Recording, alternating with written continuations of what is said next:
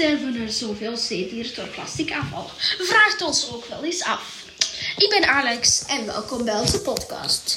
En ik heb Helene Hermans uitgenodigd, onze oceaanspecialist. Welkom Helene. Hallo Alex.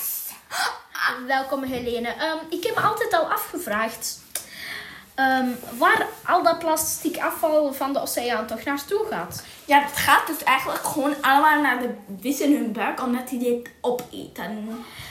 Ja, maar wat is dan de meest uitstervende diersoort? Ehm, de meest uitstervende diersoort is dus gewoon een zeeschildpad. Heel zielig. Een zeeschildpad. Oké, en hoe komt dat dan? Ja, omdat ehm, de zeeschildpadden eten kwallen. En de, je weet wel, de zakjes die je in de ijzer even meekrijgt.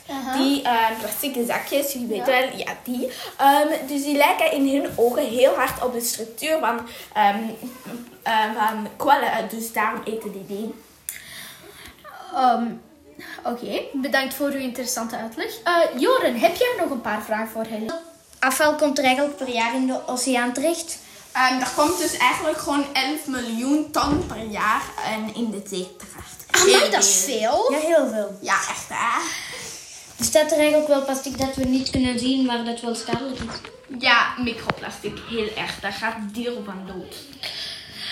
Oké, en hoe kunnen we dat microplastic dan verwijderen? Dat kunnen we doen met het bubbelscherm, de Great Bubble Barrier. Dat is een scherm met, eh, dat, dat je niet kan zien, zo'n muur eigenlijk in het water, maar dat nu al eh, microplastic van 1 mm kan opvangen.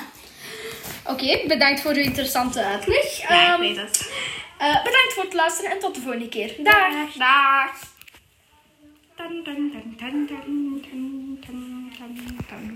Ehm, mag ik koffie gaan halen? Eigenlijk is de video nu al klaar.